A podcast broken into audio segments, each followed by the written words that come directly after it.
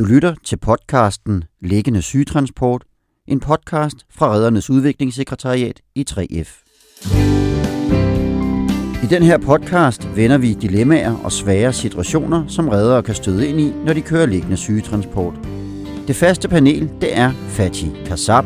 Mit navn er Fatih, og jeg har kørt SD siden 2009 og arbejdet på Tårnby. Det er Adam Arnbrandt. Som sagt, så hedder jeg Adam og parmelsiner øh, i øh, Roskilde. Udover det, så er jeg førstehjælpsinstruktør gennem flere år. Din vært er Camilla Rine Ellegaard, der er ST-instruktør hos Falk i Region Hovedstaden. Og hun kommer her og præsenterer dagens emne.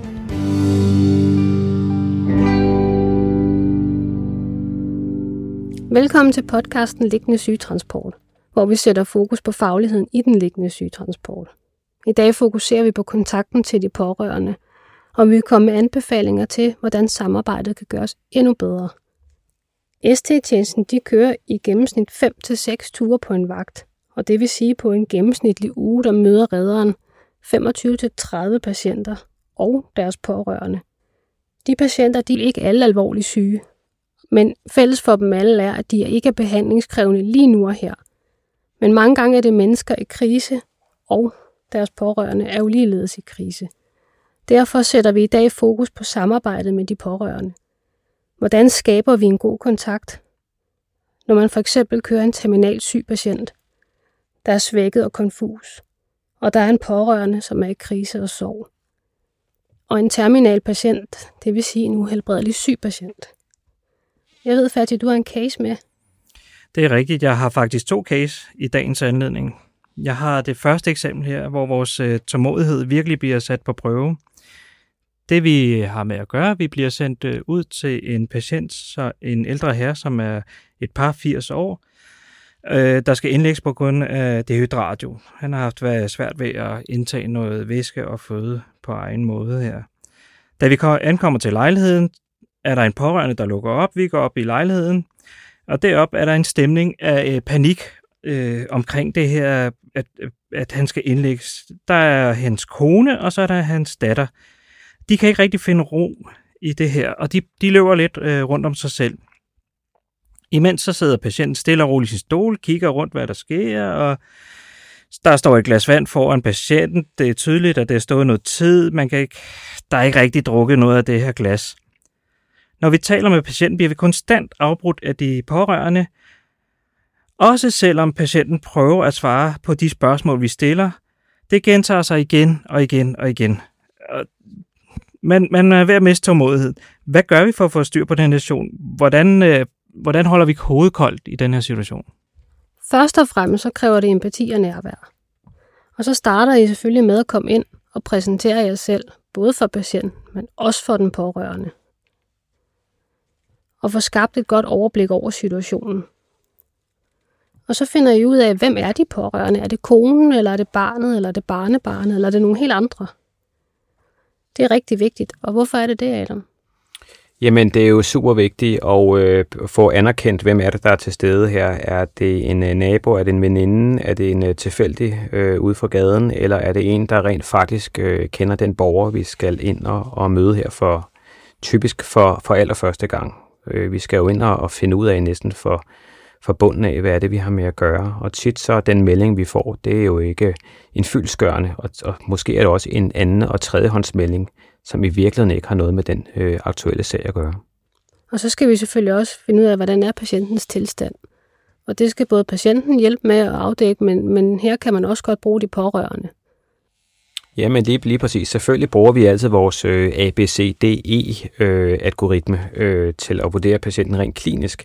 Men det er endnu mere vigtigt at øh, drage nytte af de øh, informationer, vi kan trække på for de pårørende. Og øh, nu nævner øh, Fatih jo, at der er, er panik, og det må vi jo øh, huske på, at øh, der er en grund til at være panik. Det er jo simpelthen fordi deres ressourcer ikke er til stede, og øh, de begynder at øh, arbejde sig ind på et område, som de egentlig ikke har forstand på. Og så er den naturlige måde, den er at, at reagere med, med panik. Men øh, vi skal ind og have, have fat i en masse informationer, og de er jo de nærmeste til at fortælle, øh, hvor hurtigt er det for eksempel gået ned ad bakke med, øh, med den øh, borger, vi skal møde her. Hvor, hvor alvorligt er det henne? Øh, har personen været på hospitalet før? Er, er, er det måske i virkeligheden den samme situation, man har været i masser af gange før? og kan, kan give lidt ned på nervøsiteten og tage det stille og roligt, eller er det første gang, og det er sket hurtigt, jamen så skal vi begynde at få alarmklokkerne til at ringe lidt, lidt kraftigere. Det er jo også et udtryk for, at de har et behov for at handle mange gange. De, ved at miste kontrollen over situationen, så får man også et behov for at prøve at skabe styr på situationen igen. Og det kan være meget, meget svært at se sin ægtefælle eller nærmeste familie ligge der og have det dårligt. Så er der en helt anden ting i det, og det er, at, at vi er jo alle sammen mennesker, og, og vi har jo gode dage, og vi har også nogle gange nogle lidt mere dårlige dage. Det kan være, at man har skændtes med konen eller kæresten derhjemme om morgenen, eller man har andre problemer, og, og vi kan selvfølgelig ikke møde op med helt det samme menneskelige overskud hver eneste dag. Så har man sådan en dag, så er det også vigtigt, at man taler med sin marker om det, så han ved, at ved du hvad, jeg er ikke den helt overskudsagtige i dag, så det kan godt være, at det er dig, der skal have denne her patient. Og det har man afklaret, inden man går op. Men så er der også de situationer, hvor at, at af en eller anden grund, så er, når man kommer ind, så er kontakten bare bedre med patienten mellem den anden marker. Og så bytter man bare automatisk. Det er mest hensigtsmæssigt. Ja, lige præcis. Vi skal jo have den bedste, det bedste resultat ud af, af, af det møde, vi har der. Så, så det kan være det ene, og det kan være det andet. Og bare at vi egentlig kommer, kommer øh, fælles i mål. Så, øh, men øh, det interessante var jo også, at Fatih, han nævnte jo noget med det der med, at der var uro og, og panik. Og øh, den måde, jeg umiddelbart tænker på, at vi, vi skulle gøre, øh, løse den øh, problematik på, hvis man kan kalde det det, det er jo at, at dele, dele kollegerne op. Ikke? At den ene øh, part, øh, som har den gode kommunikation med, med borgeren, øh, tager sig af vedkommende, informerer og fortæller og, og det hele. Det gør også, at situationen bliver blødt lidt op. Og den anden tager sig af de pårørende og øh, på en øh, faglig og konstruktiv måde øh, får dem sat ind i, hvad, hvad sker der, hvad, hvad mistænker man, og hvad er baggrunden for, at vi er her, og hvad regner man af interventionerne bliver på hospitalet. Men måske også noget så lavpraktisk om at sætte dem i gang med at, at gøre noget. Pakke en tandbørste, yndlingsslipper, sådan en badekåbe, øh, krydser tværs, eller hvad det nu er. Simpelthen for at aktivere dem om at, at sætte deres hjerner på en anden form for arbejde, så de bliver ligesom, kan man sige, gåsøjne bortledt for, for den øh, aktuelle krise, de står i sammen med deres øh, mor eller far. Nemlig. Og har man ikke aftalt noget på forhånd, så er det som udgangspunkt sådan, at ham, der sidder ved siden af på vej derud, det er også ham, der har patientkontakten, når man kommer ind. Ham, der kører bilen, det er så ham, der ligesom gør alt det andet. Tager sig af borgeren og tager sig af pårørende og alt det praktiske omkring opgaven, så turen bare fungerer. Jamen lige præcis. Husk altid at, øh, at have en plan. Altså det er, det er planen, der, øh, der fører opgaven ud. Øh, hvis man bare kommer ind og, og render rundt og ikke har nogen idé om, hvad pokker man gør, jamen så er det dømt til at fejle. Så lav allerede den plan stille og roligt, når man er på vej ud, og så kan planen jo altid ændres. Og det behøver patienten og øh, de pårørende jo ikke vide noget om. Det kan bare være et lille nik, eller man taler højt, så den anden ved lidt om, hvad er det, øh, den næste skridt er her. Præcis. Fordi man ved jo aldrig helt, hvad det er, man møder, når man kommer ind. Men det løser man egentlig ved, at, at man ikke taler i munden på hinanden, og så tænker man højt. Det har jo flere fordele. Dels så ved makkeren, hvad der skal ske. Så ved patienten, hvad der skal ske. Og den pårørende ved, hvad der skal ske. Det får skabt et overblik og ro på situationen. Og lige præcis, og, og roen, det er jo som sagt øh, alfa og omega. Det er det, der gør af, turen, og at de får en, en rigtig, rigtig god oplevelse. Og det er jo det, vi, vi ved, at, øh, at turen, de, de, de bliver faktisk nogle gode oplevelser. Men det er lige så meget op til os selv, at vi, at vi leverer den professionalisme, som vi nu gør. Den ro og overskud og, øh, og overblik, som vi, vi er kendt for at have, når vi kommer ud. Kunsten er at få skabt den ro. Når vi kommer ud, så når man går derfra, så føler de faktisk, at der har været taget godt hånd om dem. Sørg også for, at man ikke bare efterlader den pårørende, når vi kører med patienten. Øh, sørg for, at der er et nummer, de kan ringe til hospitalet på, hvis ikke de selv skal med. Giv dem nummer til informationen på det hospital, vi kører til. Sig til dem, ring om et par timer. Vi kører til den afdeling, så spørger du efter dine pårørende. Så har de haft tid til at undersøge og lige finde ud af, hvor han kommer hen osv. Så, så de ikke bare bliver efterladt alene deroppe med et kæmpe spørgsmålstegn. Okay. Ja, nummer to case, hvis vi tager den, der har vi en anden situation, hvor at øh, øh, vi skal have øh, transporteret eller bragt en patient til hospitalet, som er en ældre kvinde med Alzheimer og har virkelig meget angst, altså virkelig kraftig angst. Hun bor alene hjemme i sit eget hus. Patienten er i slutningen af 70'erne. Hjemme hos øh, patienten, når vi kommer frem, øh, får vi en masse informationer, øh, brugbare informationer fra hendes barnebarn. Vi får besked på, at, øh, at de blandt andet afventer en plejehjemsplads med speciale i Alzheimer, men der desværre er lang ventetid. Ellers så klarer patienten sig nogenlunde derhjemme øh, med hjælp fra enten sønnen eller datteren, eller det her tilfælde barnebarnet. Der kommer og ser til patienten hver dag, og de har hjulpet hende med de daglige gøremål, som så handle ind, rydde op og gøre rent. Øh, og, og inden for et, her for et par uger siden, der øh, begynder det at gå hurtigt ned ad bakke. Når vi så kommer ind i borgerrummet her, så sidder redderen i behandlerstolen, og i assistentstolen, altså øh, med ryggen til køreretning, sidder barnebarnet. Det er en længere transport til sygehuset. Øh, undervejs så begynder øh, patienten at blive mere og mere urolig under transporten, da hun ikke er vant til at komme ud fra sine vante rammer.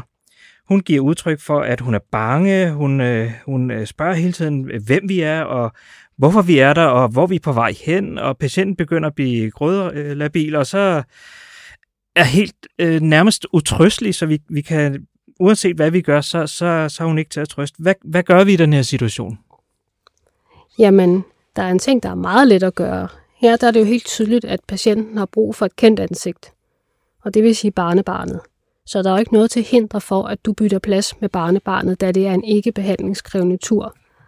Så kan redderen sagtens sidde i assistentstolen med ryggen op mod førerkabinen, mens barnebarnet sidder og holder sin bedstemor i hånden.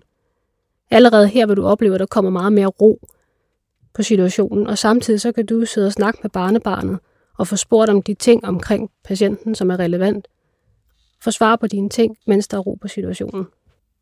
Jamen lige præcis, og når jeg øh, kigger ind på den her case fatty, som du har haft med med Alzheimer, så er det jo typisk, at mange øh, Alzheimer-patienter, de også går over i øh, demensstadiet, og det, det tror jeg, det er det, vi har med at gøre her med øh, den øh, kvinde, som kommer ud fra sine vante rammer og de vante ansigter, og så skal der ikke særlig meget til for at, at vække en form for, for panik eller angst øh, for nye mennesker, nye indtryk, nye lyde og nye øh, lugte. Så det der med, at øh, hun øh, har en, øh, en kendt person, som hun eventuelt kan sidde med i hånden, den er, den er noget af det allervigtigste. Så udover også, som du selv siger, Camilla, så kan vi jo bruge øh, informationskilden, vi har siddende lige foran os, øh, barnebarnet, som virker til, at det er et barnebarn, der kender øh, bedstemoren rigtig, rigtig, rigtig godt, øh, og øh, få en masse gode informationer ud af hende, som vi kan øh, drage videre til, øh, til sygehuspersonaler, når vi overleverer øh, personen. Men også øh, er der noget menneskeligt i det her, det er, at øh, barnebarnet får lov at, øh, at følge med på, på turen og, og, og blive en del af det blive en del af den proces. Der er ikke noget værre end, end øh, at vi ligesom bliver klippet ud af en sammenhæng, og så begynder vores hjerner automatisk jo at begynde at, at digte den manglende bid, og det er der, det kan eskalere og gå fuldstændig amok op i folks hjerner. Men den øh, opnår vi jo ikke her, da, da barnebarnet får lov at følge med og få øh, den fulde oplevelse, og kan give en god øh, overlevering også til, til familien, der sidder derhjemme, fordi de er lige så bekymrede, om ikke, om ikke endnu mere bekymrede end, end patienten er. Og her der er, har barnebarnet jo også en rolle, når vi forlader dem. Det er, at barnebarnet er jo lineholder. Hun har den røde tråd fra før vi kom, da vi kom, under transporten, og hvad der sker efterfølgende til behandling. Så hun er hele bindeledet på det her og sørger for at holde trådene sammen øh, for over for familien og den pårørende. Og så er det også vigtigt, at vi får overleveret Ligesom vi overleverer patienten, så overleverer jeg også den pårørende til personalet, fortæller, at vi har barnebarnet med, og hun har været med hele forløbet og har en rigtig, rigtig god kontakt og ved alt det, vi har brug for at vide omkring patienten. Og så siger vi selvfølgelig pænt farvel til både patienten og til den pårørende, når vi efterlader dem ud på afdelingen. Men der er jo mange forskellige, så der er jo tusindvis af forskellige situationer derude. Og det er ikke noget, der skal gøres til et problem, men det, det er jo noget, vi møder hele tiden men jeg kan da også huske en, en tur, hvor at, at man kommer ud til en patient, hvor at den pårørende er udviklingshemmet, det er i det her tilfælde en søn, og hvor patienten sidder derinde med en bravende sepsis, øh, har haft koldbrand i det ene ben og har nu i det andet. og blevet udadreagerende og faktisk ikke vil med.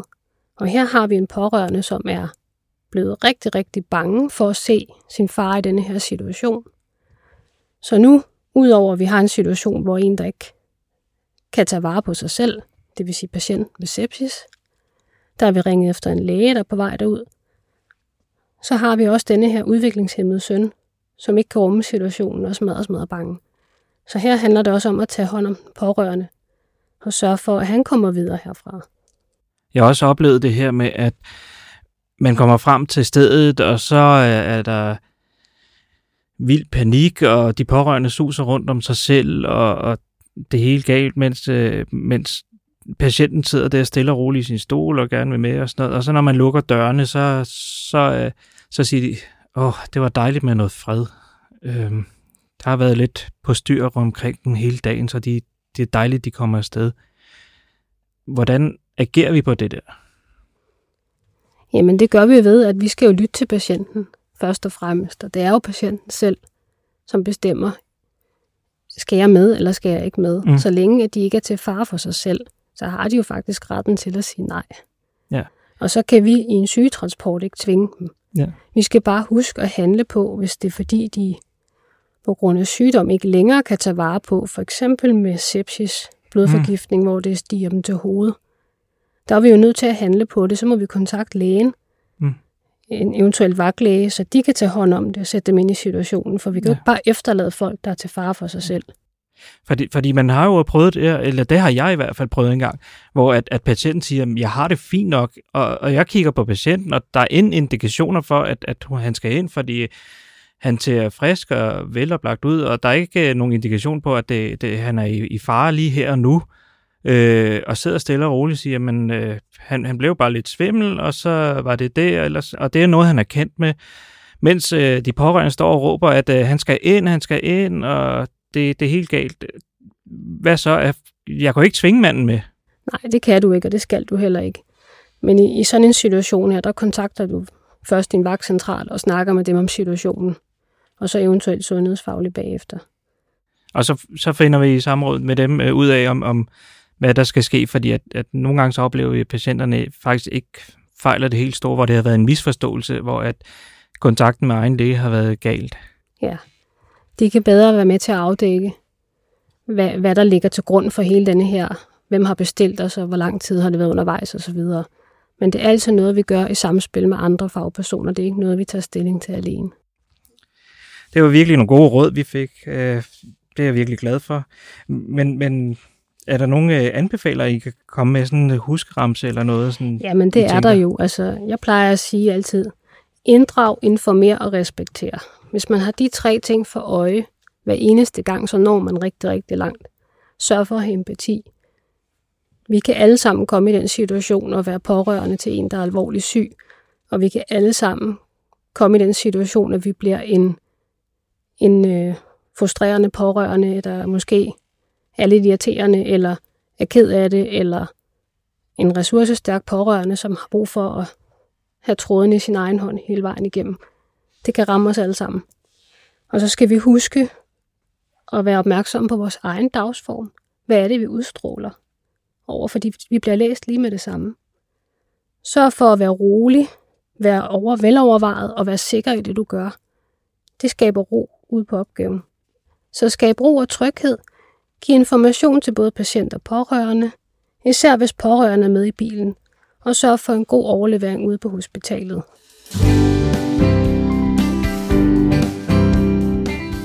Du har lyttet til podcasten Liggende sygetransport.